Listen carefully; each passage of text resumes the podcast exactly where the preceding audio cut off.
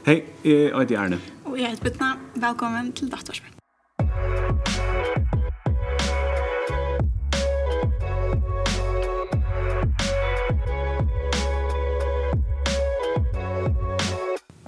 Dattvarpet, det her er et podcast som vi framleier her av Blakross Høymenon. Jeg er vidtjer i arbeid av bloggerskjermen, bytna til arbeider ikke av, men ut fra bloggerskjermen, jeg har ungdomsvidtjer som heter Datt Ung. Ja.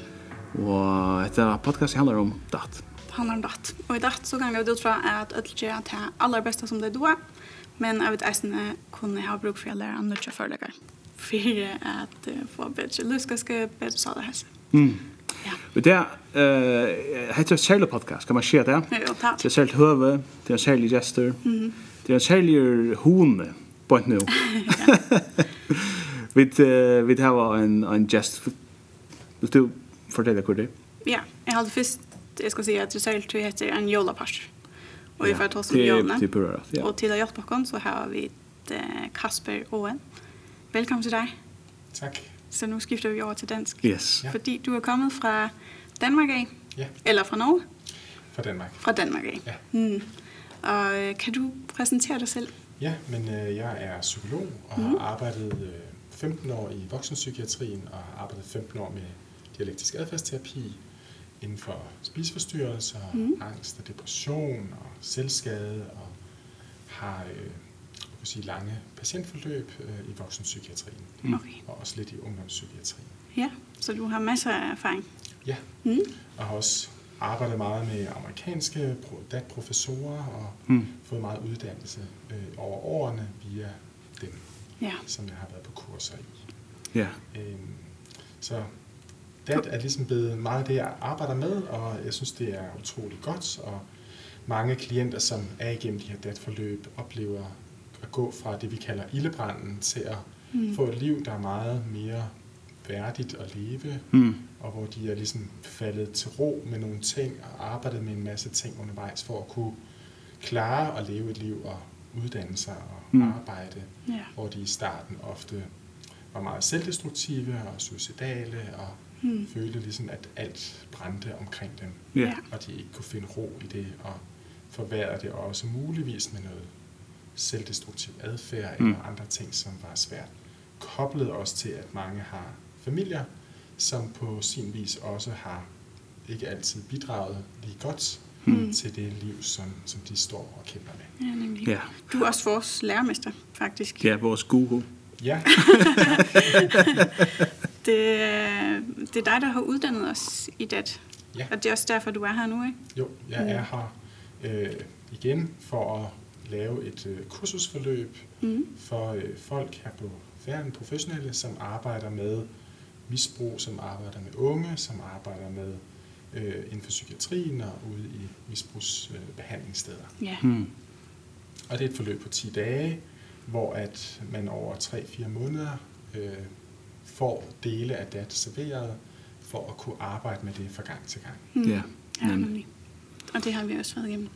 Ja, yeah. uddannelsen består sådan i, selvfølgelig er der noget teori at forstå, hvorfor er det, at man har det så svært, hvad er det, vi kalder personlighedsforstyrrelser, hvad er det udvikles af, hvordan kommer mm. det, mm. og også at kigge på, hvad er det for nogle redskaber, der er i DAT, som man kan bruge inden for DAT, men som også mange bruger sådan i dele af det i forhold til det, der er muligt, mm. der hvor de arbejder. Mm. Ja. Ja. Og i dag, ja. eller vil du sige det? Nej, nej, du nej. kan godt. så skal vi snakke om julen, ja. fordi julen ikke altid er så sjov for alle. Ja. Og der kan komme en masse ting, der ligesom forstyrres og kan være svære. Ja. Og, og du vil så fortælle os nogle historier og nogle gode råd til, hvad man kan gøre, hvis, hvis man har det svært i julen. Ja. Og hvordan man kan bruge det. Ja. Ja. Ja, og jeg kommer til at tænke på en af mine klienter, som øh, går i dat, og hun er sådan midt i 20'erne og er blevet kærester med en. Og så i mangel af bedre, så har hun valgt at ligesom tage med sin nye kæreste hjem til den her familie. Mm. og øh, hun kommer hjem og er ikke helt klar over, hvad hun møder op til. Så hun får lynhurtigt fornemmelsen af, at hun ikke er velkommen. Mm. Og at, øh, hvad skal jeg sige, den her kæreste sådan, har måske heller ikke helt fortalt hende om, hvordan det egentlig er, men hun har sådan tænkt, jamen du tager med mig hjem. Så hun møder egentlig meget sådan kritiske kommentarer, og øh, sådan fornemmer hurtigt, at, at hun på en eller anden måde ikke er særlig velkommen. Mm. Og man kan sige, hun, hun ønsker at være der, og prøver sådan ikke at skabe konflikt, men, men må med sig selv arbejde ret meget med at få lov til at deltage i den her jul, som hun ligesom mm. har fået været med i. Og nogle af de, hvis hun nu snakker dat, øh, nogle af de færdigheder, som hun bliver nødt til at gribe meget i, er det her med at de, hun får en masse negative tanker omkring sig selv, at jeg burde ikke være her, og de kan ikke lide mig. Og, mm.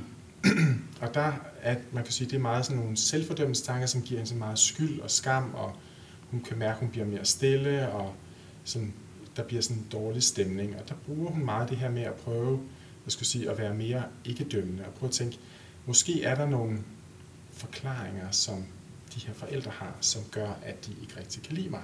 Ja. Mm. Så hun prøver sådan meget at beskrive, øh, som er sådan færdighed over for sin kæreste, at hun, hun oplever det her, men hun prøver at gøre det på en meget ikke-dømmende måde, at sige, når din mor siger sådan, mm. er det så et udtryk for, at hun ikke kan lide, at jeg er her? Ikke? Så hun prøver ikke Nemlig. at servere det sådan, at din mor kan ikke lide mig. Nemlig, ja. Men, men prøver mm. mere at, at, at fremlægge det, og så viser det sig, at øh, kæresten har også en svær historie med sine egne forældre. Så, ja. så meget af det, som hun tolker lidt som et udtryk for, at hun ikke må være der, handler lige så meget om, at kæresten har det svært med sine forældre. Mm. Okay. Men i start, der hun tolket det meget som, det var mig, der er noget galt med. Ja. Så der bruger hun meget den her med at prøve at beskrive over for kæresten, hvad er det, hun observerer, og, mm og får et meget sådan, lidt bedre indblik, når de går sådan nogle ture, om hvad, hvorfor at kæresten selv har det meget svært med sine forældre. Mm. Så det er vel opmærksomhed? Det er meget opmærksomhedsværdigt. Ja. ja. Mm. Men det er, også, det er også kommunikation. Altså, det er også meget det, vi kalder sådan relationsfattighed, med ja. at prøve at give udtryk for, hvad hun oplever over for kæresten. Mm. Ja. Det bliver ikke, hun kommer ikke til at sige det direkte til familien. Nej. Men, men hun prøver sådan, man kan sige, at handle lidt modsat følelsen yeah. af ikke at have lov til at være der. Ja, ja som du sagde, så hun, hun blev meget stille ja. observerende med ja. sig selv. Ja. Og så der, nej, lad mig gøre imod det og så, sige noget. Ja, så skamfølelsen, som mm. hun føler lidt, den kommer lidt til at styre i starten af julen. Ja. Men så prøver hun ligesom at handle modsat, og sådan prøver at være mere åben, mere talende, øh, prøver at være hyggelig, prøver at spørge til ting. Ja. Og øh, man kan sige, det opløser faktisk lidt af den her dårlige stemning, der er mm. omkring julen, fordi hun faktisk prøver ikke at lade sig styre af den her skyldfølelse eller ja. skamfølelse. Ja. Og det åbner lidt for, at, at stemningen, kan man sige, bliver lidt bedre. Mm. Ja. Hun bruger også nogle færdigheder inden for man kan sige, følelsesregulering med at prøve at, at, at altså, få spist, selvfølgelig, fordi mm. det er jo ofte for nogen af mange af dem, vi arbejder med, det der med, at man, når man får det dårligt, så holder man op med at spise, mm. og mm. så bliver det kaffe og cigaretter, og ja. Yeah. på den måde bliver også sådan lidt, øh, det gør hende mere ustabil, kan hun mærke. Hun bliver sådan lidt, hvad skal vi kalde det, sådan lidt svimmel og mm. øh, sådan utryg i det. Ja. Så, så der bruger hun også det her med at få spist alligevel de her måltider, som på sin vis, fordi det er lidt dårlig stemning, ikke er så lette at få ned. Mm. Og så prøver hun også at prøve at skabe nogle gode oplevelser. Hun foreslår selv, at de, om de skulle spille noget kort. Og, Nemlig. sådan, så nogle af de her hjælper hende til, at, at på trods af det lidt spændte forhold, der er i hvert fald mellem forældrene og kæresten, mm. så går det lidt bedre, når de laver nogle sådan hyggelige aktiviteter, ja. sådan, sådan omkring juleaktiviteter som sådan mm. bryder stemningen lidt. Ja. ja. Mm. Og hun underholdt ud, så nogle gange må hun også nogle gange holde ud og være i det, at de skal være der i tre dage. Og, og holde ud bliver, at hun bliver nødt til at nogle gange at distrahere sig selv. Hun har sådan lidt mm. gjort op med sig selv, at, at det at gå en tur alene bliver også en måde at øh, distrahere sig lidt væk fra den her stemning på. Ja. Yeah. Øhm, så hun går ture. Hun siger også til sin svigerfamilie der, at hun har hun er træt. Mm. Hun trækker sig lidt Nemlig. ind på værelset. Mm. Så ligger hun og kigger lidt på telefonen og tager sig en time, og så prøver hun også at tænke det her med øh, effektivitet, at målet er ikke at få løst den her konflikt. Ah, mm. Men målet er ligesom at prøve at være til stede, deltagende i det, men også vide, at om tre dage, der skal hun Nemlig, ja. jeg skal bare komme igennem det her. Ja, mm -hmm. så, men, men, men alligevel også, at det skal være en god oplevelse, fordi hun vil jo gerne også have jul, og hun vil mm. også gerne yeah. øh, hvad skal vi sige, skabe en, altså selv bidrag til, til mm. den her stemning, som er lidt anspændt. Mm. Ja. Men der hjælper det her med at være effektiv og sige, okay, ikke at tage det så tungt, eller ja, nemlig. Mm. Og prøve at sige, jamen, okay, nu er det første juledag, så om to dage, der skal vi hjem, yeah. så Så ikke at have de her dømmende tanker så meget. Mm. Mm. Man kan også se det som lidt af en investering i næste jul. Altså, ja. det, min, øh, det her forhold skal nok være i mange år. Øh, så hvis jeg kan skabe en god stemning og et godt forhold mellem mig og min svigermor, eller hvad det skal være, så, så er det noget, som jeg får tilbage i fremtiden. Ja. Mm. Ja. Og så har hun lært meget af det der med, at folk gør det så godt, de kan. Mm. Nemlig. Ja, nemlig. ja det er meget... At, at både, ja hendes kæreste er jo også lidt i et spændingsfelt mellem hende og sin yeah. familie, så det her med at tænke, at alle gør det egentlig så godt de kan, også de yes. her lidt øh, fordømmende forældre, Nemlig. Øh, yeah. som på den måde sådan signalerer lidt, at de ikke er så velkomne, kan man sige. Mm. Men, men, men der hjælper det hende lidt at, hvad skal vi kalde det, bevare den effektivitet og, yeah. og have det der lidt antagelsen om, at på trods af det, der er svært, så er der nogle forklaringer, jeg ikke helt kender. Mm. Jeg kender ikke helt historien. Nemlig. Men alligevel så, øh, så godtager jeg, at de ikke helt accepterer mig. Mm. Og yeah. det er jo også sådan en færdighed, vi kalder accept. Ikke? At, yeah. at nogle gange så kan man have en masse idéer om, hvordan det burde være, mm. eller en yeah. svær muligt burde opføre sig. Men her er det lidt at acceptere de her svære præmisser. Mm. Yeah. Og det hjælper hende til at sådan, stå den her jul øh, med svigerfamilien bedre igen. Ja, yeah det tror jeg, der er mange, der kan genkende det der med, at man øh, gerne vil have det bare anderledes, fordi man har sådan en forestilling om, at, at julen skal være hyggelig, og, ja. og nu kommer jeg her i den her familie, og vi burde kunne hygge os de ja. her få dage, og hvorfor skal det være så svært det hele? Ikke? Ja, ja, ja, ja. Men det er det super godt råd. Øh, altså især det der med pauserne, tænker jeg, at man gerne må tage en pause og gå en tur alene mm. og holde ud ja. og prøve at se i øjnene, at det er sådan, det er lige nu. Ja. ja. Og det bliver ja. nok ikke anderledes af, at jeg tænker, at det burde være anderledes. Nej, ja, præcis. Mm. Ja. Og jeg tror, det her med, at hvis man nogle gange kan sige, selvfølgelig bliver det sådan her, ja. i stedet for, nej, det burde ikke være sådan her, mm. så accepterer man meget mere sådan spillereglerne. Ja. Og ja. kan se dem også tydeligere, mm. når man ligesom anerkender, at de er der, i stedet for at kæmpe mod dem i forhold mm. til sådan nogle forventninger om, hvordan at jul skal være hyggeligt, og alle skal være glade og gode venner. Ja. Og ja. her der bruger hun accept med at sige, vi kommer ikke til at blive tætte på det her tidspunkt. Nej. Vi kommer ikke til at... Den her anspændte situation er der. Mm. Og jeg behøver så ikke at lade mig styre helt af den, men ved at acceptere det, så kan jeg faktisk lidt at være i. Ja. Så, så man kan sige, når vi snakker om accept, så handler det meget om, jo mere jeg forventer det, der sker, jo lettere er det at stå i det, mm. end hvis jeg har en masse håb og drømme om, at ting skal være bedre, end de egentlig er. Ja, og så det, det har vi, når det er jul, altså. Det der med, at vi kan have drømme om, hvordan det skal være, eller vi får ved, og vi, måske ser vi vores venner, som har bare perfekt jul, udad i hvert fald, og på tv og ting og sager. Det skal være hyggeligt, men hvis det ikke er hyggeligt, ja. så kan det være meget svært. Ja. Og der tror jeg, man kan sige, der, der tror jeg, man som ung og øh, semivoksen, voksen, nogle gange har nogle bygget, man har bygget nogle juleforestillinger fra, da man var et, et lille barn, mm. hvor alt var sjovt, og man fik gaver, og det hele var sjovt, men yeah. som voksen er det meget mere kompliceret yeah. at skabe sig en god jul. Og, yeah. og det her med at hvad skal jeg sige, afstemme, her, hun kunne ikke afstemme med de her svigerfamilie, men, men hun får afstemt lidt med sin kæreste om, at, Nemlig. at virkeligheden er sådan, at det her kommer ikke til at blive let. Mm. Men, men nu ved jeg det. Mm. Så er det meget let at være i. Ja. Og så skal jeg ikke lade mig styre helt af den der elefant i rummet. Nej. Som egentlig, da hun kommer over den 23. december, er der rigtig, rigtig meget. Og hun slet ikke kan aflæse de her, hvad er det for et, en afvisning, de egentlig får, hvor hun havde troet, det var det modsatte. Mm. Ja. Yeah. Ja. Okay, så nu har vi snakket om øh, når man kommer hjem til sin familie, når man ja. har nogen at være sammen med. Ja. Men hvad nu, ja. hvis man ikke har nogen? Ja, altså ja, en af mine klienter, hun øh, står i den situation, at hun, hun kan ikke tage hjem til sine forældre. Mm. Og det er fordi, der er en lang historie med en masse kritik og en masse negative oplevelser, så hun har ligesom valgt, at hun vil holde jul alene. Ja. Mm -hmm. Ehm og det som hun og jeg har snakket meget om, hvad, hvad betyder julen? For det første så tænker jeg mange gange, at øh, igen det her med at beskrive julen, er at vi har, man kan sige, hvis nu vendte om og sagde, hvad skal du lave i din vinterferie? Mm. Så vil det være nogle helt andre forventninger. mm. ja.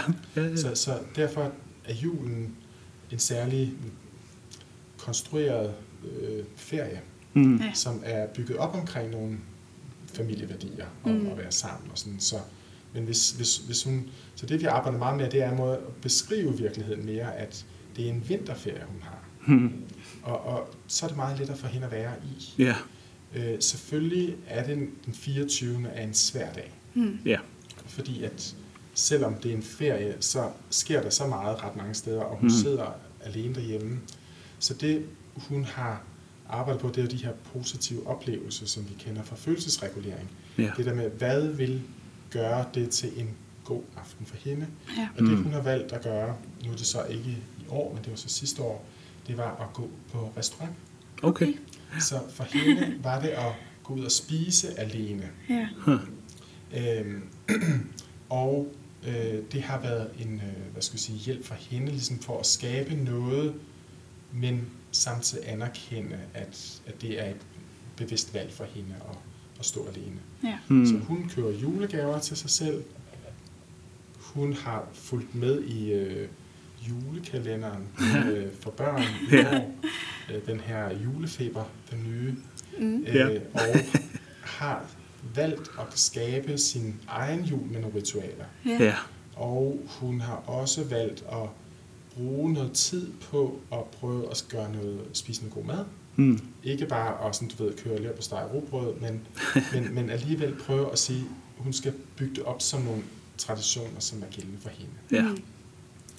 Øhm, I år har hun valgt at arbejde okay. aften. Hun arbejder på et bosted, mm. så derfor har hun sådan sagt, jamen jeg vil gerne bidrage øh, til andre ja. kan få en god jul, så der har hun valgt at sådan, tage på arbejde. Mm. Hun har også et år været frivillig med sådan, ja, nu kan jeg ikke huske, hvad det er, men været frivillig juleaften for øh, nogen, som havde det svært. Mm. Så på den måde at skabe øh, en tradition for, at man gør noget for ja. andre. Mm. Øh, på noget meningsfuldt. Som, som ikke har, som har det sværere end hende selv. Ja. ja. Jeg tænker på det, det der med at skabe sine egne traditioner. Det kan også være noget, som du gør i din egen nye familie, måske. Hvis du kommer fra en familie, som, som, som du ikke er så glad for, måske. Så, så er det noget, som står i din magt at gøre, som kan skabe dig en god jul i fremtiden. Ja. ja. Nu. Mm. Men, men ja, og jeg nævner, igen, hvis vi hold, tænker i hold ud øh, færdighederne, det her med accept, mm. at acceptere, at det er der er nogle gode grunde til, at jeg ikke holder jul med min familie. Ja, ja. Og repetere dem lidt. Mm. Sådan lidt at tale lidt til sig selv og sige, jeg gør det, fordi at jeg ved, at min mor øh, vil drikke mm. juleaften, og jeg ved, at vi vil komme op og skændes. Så, så derfor har jeg valgt, at, hvad skulle sige, at virkeligheden er for mig at øh, være alene juleaften. Ja. Mm meget godt. Hun har også valgt, man kan sige, at kan man sige, gå lidt modsat tristheden her. Okay. Fordi at nogle gange kan man jo godt blive lidt ked af det over, at man mangler de her, den her familie i julen. Ja. Mm. Men, men at handle modsat tristheden betyder, at hun ikke sådan sætter sig ned, resignerer, tænder fjernsynet og sådan bare overlever julen igennem mm. Netflix eller noget andet, men prøver at gå lidt mod det ved at skabe nogle gode oplevelser, sådan at ensomheden og kederligheden ikke bliver for overvældende. Ja. Så, så der tænker jeg for mange, som står og mangler og har fravær af forældre og familie, bliver det her øh, et, et stort tema at handle lidt modsat kederlighed. Ja. Fordi den kommer den 23., 24. og 25. december. Mm. Ja. Ja. Øhm, Og der er det jo også meget kan det der med at lindre og trøste. Hvad er det for nogle færdigheder, som jeg kan som kan være trøstende og beroligende for mig i forhold til ehm at ikke blive for overvældet af den sorg eller ensomhedsfølelse som ja. som som kan være rigtig stærk ja. lige i den her periode. Mhm. Mm jeg kommer også til at tænke på en anden familie nu når vi snakker om fravær, at oh, ja. en, jeg har en anden klient, som lidt af de samme grunde. Hun har en meget pillemisbrugende mor, mm. og ved, at øh, hun ikke skal besøge hende. Og hun har så en kæreste, og de har så valgt at prøve at bygge selv nogle traditioner op ja. omkring øh, den her jul. Øh, og det, som de har valgt at gøre, det er, at de øh, har... Øh, planlagt, at, øh, at altså de har lavet en meget, meget klar plan for, hvordan julen skal gå. Mm. De skal have noget online kirke, fordi nu er der mm. corona. Så, så har de besluttet sig for, at der er en tur, de skal gå. Altså fra, øh, hvad skal jeg sige, ja, en skovtur, mm. som at de, den skal de gå, den tager halvanden time, og så skal de hen på kirkegården, mm. hvor at der er nogen fra hendes, eller en afdøde, som de vil lidt fejre det med, kan man mm. sige. Sådan at de mødes ude øh, ved den her kirkegård, ja. og, øh, og sætter et lys mm. øh, på øh, gravstenen, og så skal de hjem og have noget at spise, og på den måde sådan, prøve at bygge noget andet op, end det, det der kommer hjemmefra. Ja, mm. nemlig. Men hun, er, hun har, har meget brug for at tænke det igennem før, og det mm. tænker særligt med dem, hvor der er fravær, at jo mere man, man kan sige, i dat vil vi sige, være effektiv, ikke? Altså, ja. i opmærksomhedsfald, jo mere man sådan, ikke bare lukker øjnene og tænker, at det skal bare overstås, men mm. at man faktisk prøver at beskrive og tjekke ind på, hvad er det, som egentlig jeg gerne vil have ud af julen, før den ligesom kommer, altså allerede sådan midt i december, hjælper hende til, at det bliver noget, hun kan glæde sig lidt mere til, mm. end hvis hun bare havde lukket øjnene og tænkt, det her skal bare overstås. Ja. Mm. ja. Så vær opmærksom øh, på, hvad, hvad man gerne vil have ud af julen. Øhm, og også, det kræver meget planlægning. Ja. Altså, at man faktisk gør noget ud af det før tid, så ja. man ikke lige pludselig står der juleaften og ja. ikke ved, hvad man skal. lige præcis, ja. at, man, at man allerede et par uger i forvejen begynder mm. at tænke, okay, hvad vil være en god jul for mig? Ja, ja nemlig. Sådan at, at når den kommer, at det faktisk er noget, der bygget lidt forventning op og lidt, mm. lidt gode oplevelser yeah. op, i stedet for at det bliver bare noget, man overlever. Ja, jeg tænker, at det, det er lidt af en krisefærdighed også. Det, det der med, at, at det er ikke noget, som man bare går ind i blind. Altså, og så pludselig så kommer man i tanker om, at det her er forfærdeligt. Altså. Men man, man kommer meget meningsfuldt indhold i.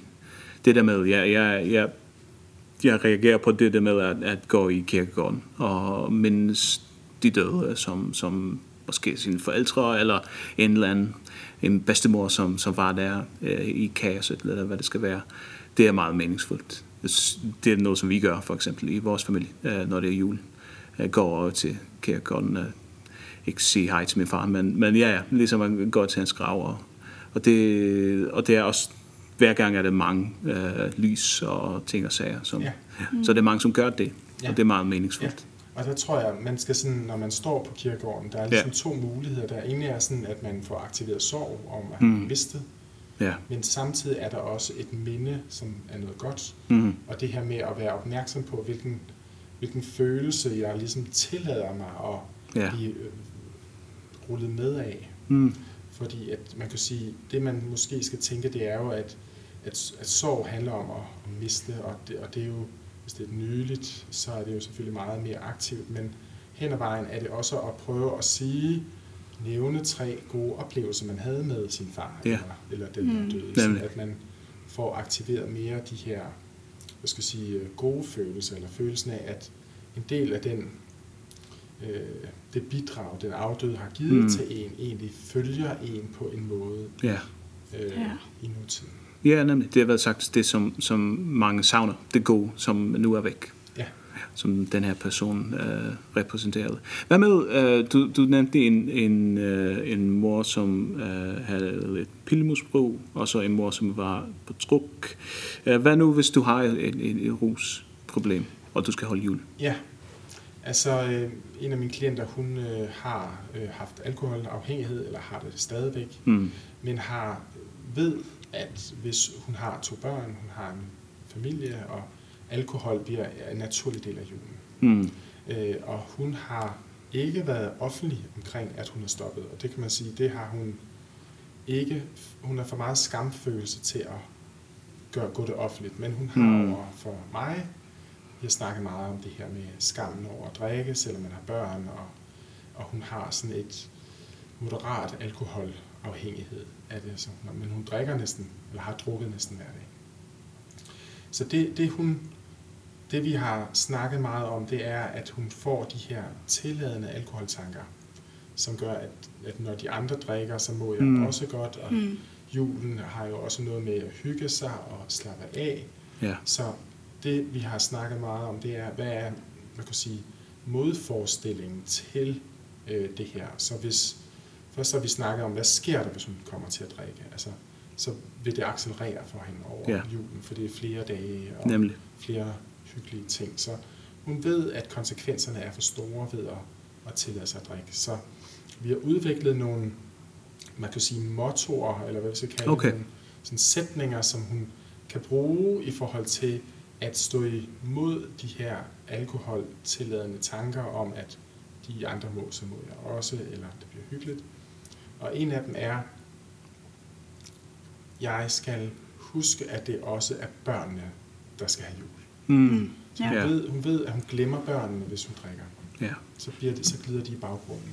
Så for, at, for hende er det vigtigt, at børnene har, ser en mor, der er til stede, og derfor har hun, som når hun var trang, tænkt, at børnene skal have en jul, hvor at mor er nærværende og kan være nærværende. Mm. Så det er den ene motto, hun har udviklet.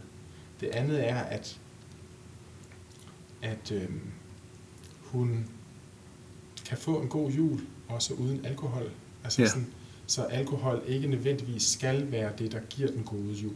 Mm. Så derfor har hun også, sådan, som hende den anden, prøvet at planlægge mange sådan gode ting, for at der ikke opstår for meget tomrum. Det bliver forhåbentlig ikke for stressende, men, mm. men, men det her med, at der er en plan, og der er nogle ting, som hun skal gøre sammen med sine børn, mm-hmm. øh, selvom andre drikker, hendes mand også drikker rødvin yeah. og alkohol. Mm. Så har hun også sådan, at hun har tænkt, jeg vil ikke, jeg, jeg har ikke lyst til over tid, hun har drukket i 10 år. Okay. Jeg, jeg vil ikke være en alkoholiker. Mm. Det er bedre, det er okay at have trang, og have trang i måske måneder. Mm. Men for mig er det bedre at have det ubehag, end at blive, som hun har været, mm. øh, vedvarende alkoholiker. Ja. Yeah. Så det, det har så trang begrebet har ligesom været en, hvad skal jeg sige, blevet lidt omdefineret til, at trang er en okay ting at have. Ja. Yeah. I stedet for, at det er forfærdeligt, og jeg ved en vej at få til at gå væk på, det er ved at drikke. Mm. Så, så trang er blevet ligesom på en anden måde en god ting. Ja. Yeah en, en udfordring for hende mere end noget, hun bare slipper og, og tillader sig at surfe mm. på. Og der har vi lavet en lang liste af sådan distraktionsfærdigheder. Okay. For at holde trang ud, hvis det bliver for tungt. Et er, at hun har fundet ud af, at det er, at, at når hun bliver ked af det, så kommer trangen lidt. Mm. Så det er at snakke, altså prøve at, hvad skal jeg sige, være lidt mere emotionelt i kontakt med sin mand. Mm Ikke? Okay. Sådan søge ham lidt mere i forhold til, at de øh, har et, et, altså et nærværende forhold, og give nogle flere klem, mm. øh, være lidt mere sådan tæt på ham på en måde, fordi han jo egentlig også gerne vil. Mm. Så, så det er ikke sådan så kompliceret her, nej, fordi nej. han også har en interesse i det, så det med at være mere nærværende, fordi hun skal søge trøst, mm. i stedet for at, at drikke. Mm. Ja. Så hun kan også finde trøst i og glæde ved at være sammen med sine børn og kramme dem mere og være mere nærværende. Mm. Så trøst er det, hun har ligesom drukket meget på. Mm. Og det har hun ligesom har vi udviklet en masse nye strategier for. Ja. Så har hun også, fordi at julen jo også implicerer meget, at man bliver tilbudt alkohol, mm. øvet sig i, hun, på dansk hedder det, at have en hvid måned. Okay. En hvid måned betyder, at man er lidt på slankekur. Mm. All right. Fra alkohol, eller hvad? Nej, fra alt. Og fra alt, okay, okay. Altså, ja, ja. Hvid måned er altså det, vi har i januar, ikke? Ja. Yeah. Ingen alkohol. Og... ja, ja, men for hende er det fra alkohol, eller bare fra... Ja, altså hun vil godt træne lidt, det, mm. det gør hun ikke så meget, men, mm. men hvis hun siger hvid måned, så bliver det ligesom, det er sådan et, okay. et accept af, at nogen vil er lidt på slankekur, yeah. kan vi sige. Ikke? Sådan okay, lidt okay. træning og kost og leve ja. lidt sundt, og julen kan jo godt være lidt det modsatte, Så yeah. for hende er det at prøve at sige, at jeg har en hvid måned. Mm.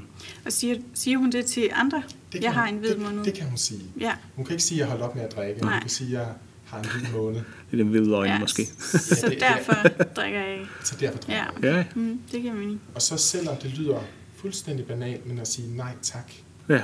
Ja. Er noget, Nemlig. Og hvis hun, hun ved, at hvis hun siger nej tak, så spørger de, ah, så presser de, og så siger mm. hun nej tak, og så presser Men fjerde gang hun siger nej tak, der respekterer de det. Okay. Yeah. Så, så det, hun, skal, hun skal fire nej takker igennem, mm. før at de forstår det.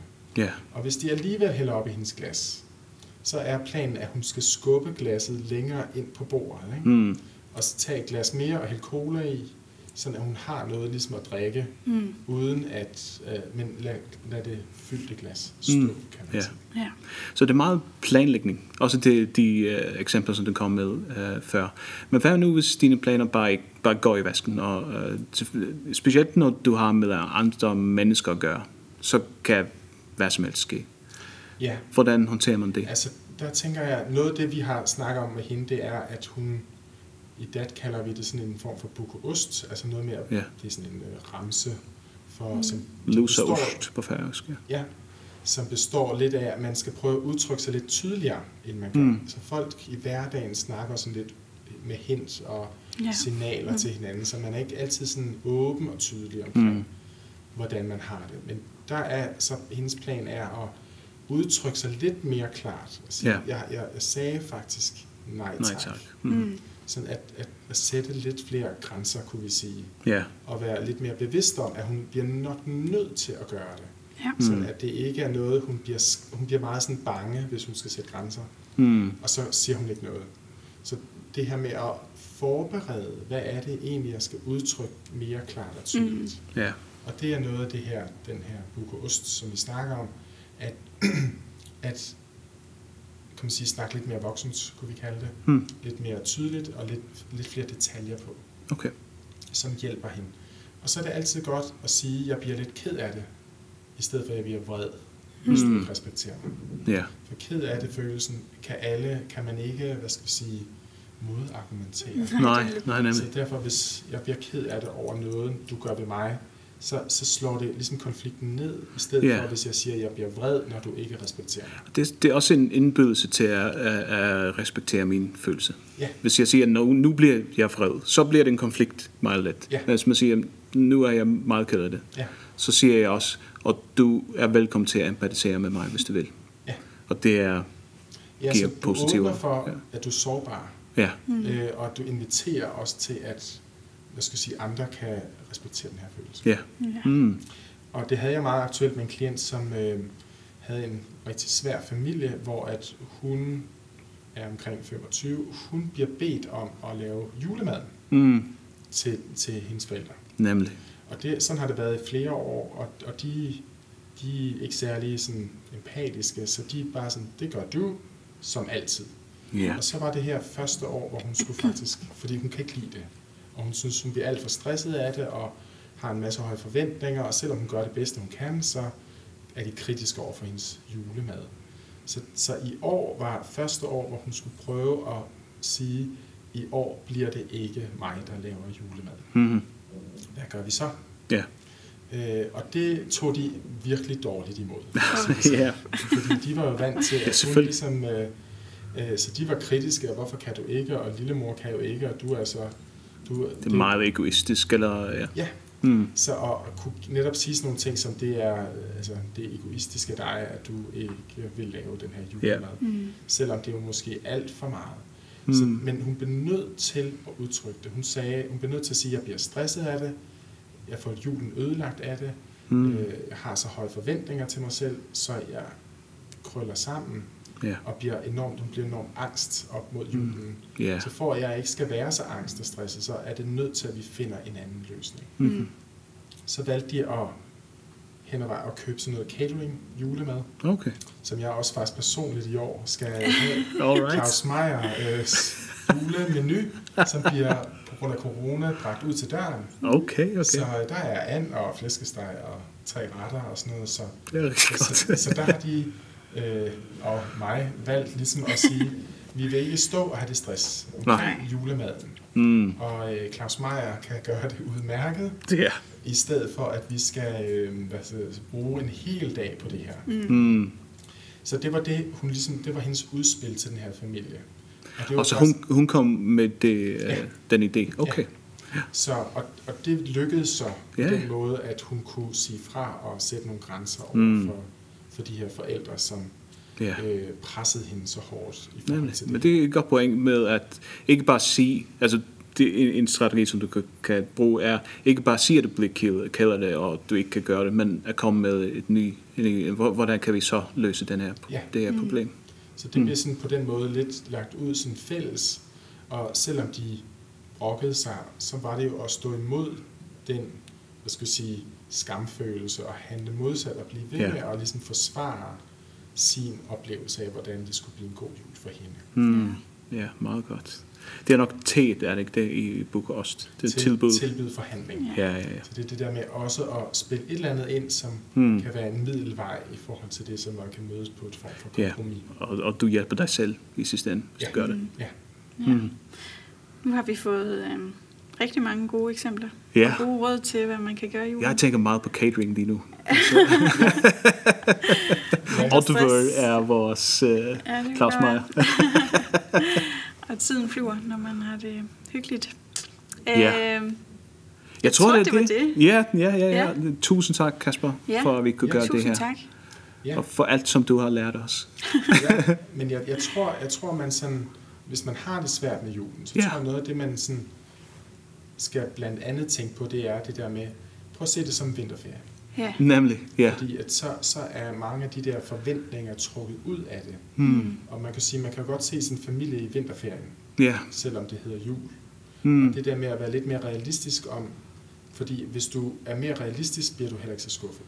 Nej, nemlig. Så, så hvis du ligesom i dit eget hoved prøver at lave sådan et scenarie af, hvordan kunne det være, at det plejer at blive. Mm. Og så, så i stedet for at sige, sådan må det ikke være, så forvent, at det er sådan. Nemlig. Fordi så bliver du ikke så skuffet. Nej.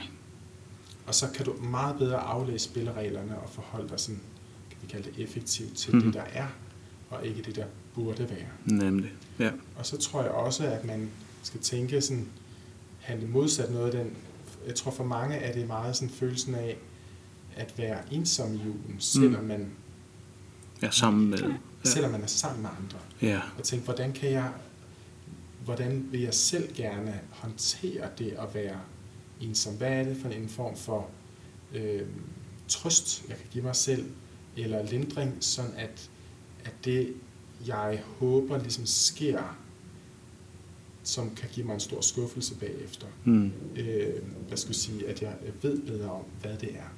Så jeg ja. tænker, at det er nogle af de bedste julegaver, man kan give sig selv. Mm. At, at, at tænke det igennem og være realistisk, og prøve at tænke, hvad kan jeg gøre for at stå bedre i det, ja. mm. øh, end at lukke øjnene og håbe, det går. Ja, det går over, ja. Fordi ja. julen kommer i hvert år. Det gør Nemlig. Så derfor jo bedre man kan forberede sig på den, både når det er svært med familien, og hvis der ikke er nogen familie, jo, jo bedre en ferie kan man også få. Nemlig. Tusind tak. Og med det siger vi tusind tak, Kasper. Og glædelig jul. Og glædelig jul. Ja. Hvis det her var spørninger til Henta Parsten, så kan du skrive til datvarsp.blakross.fo. Vi er også finne av sosiale milen um, helt utøtselige av Facebook og Instagram. Her, hvis du bare løyder datvarspen her, så finner du dere om ja, og hvis du vil vite mer om vidgjørene av Blakrossheimen, eller datt ung, så kan du fra heimasiden av Jokkon som er blakrossheime.fo. Jeg er Arne. Og jeg heter Bitna. Tusen takk for det, Lorsan.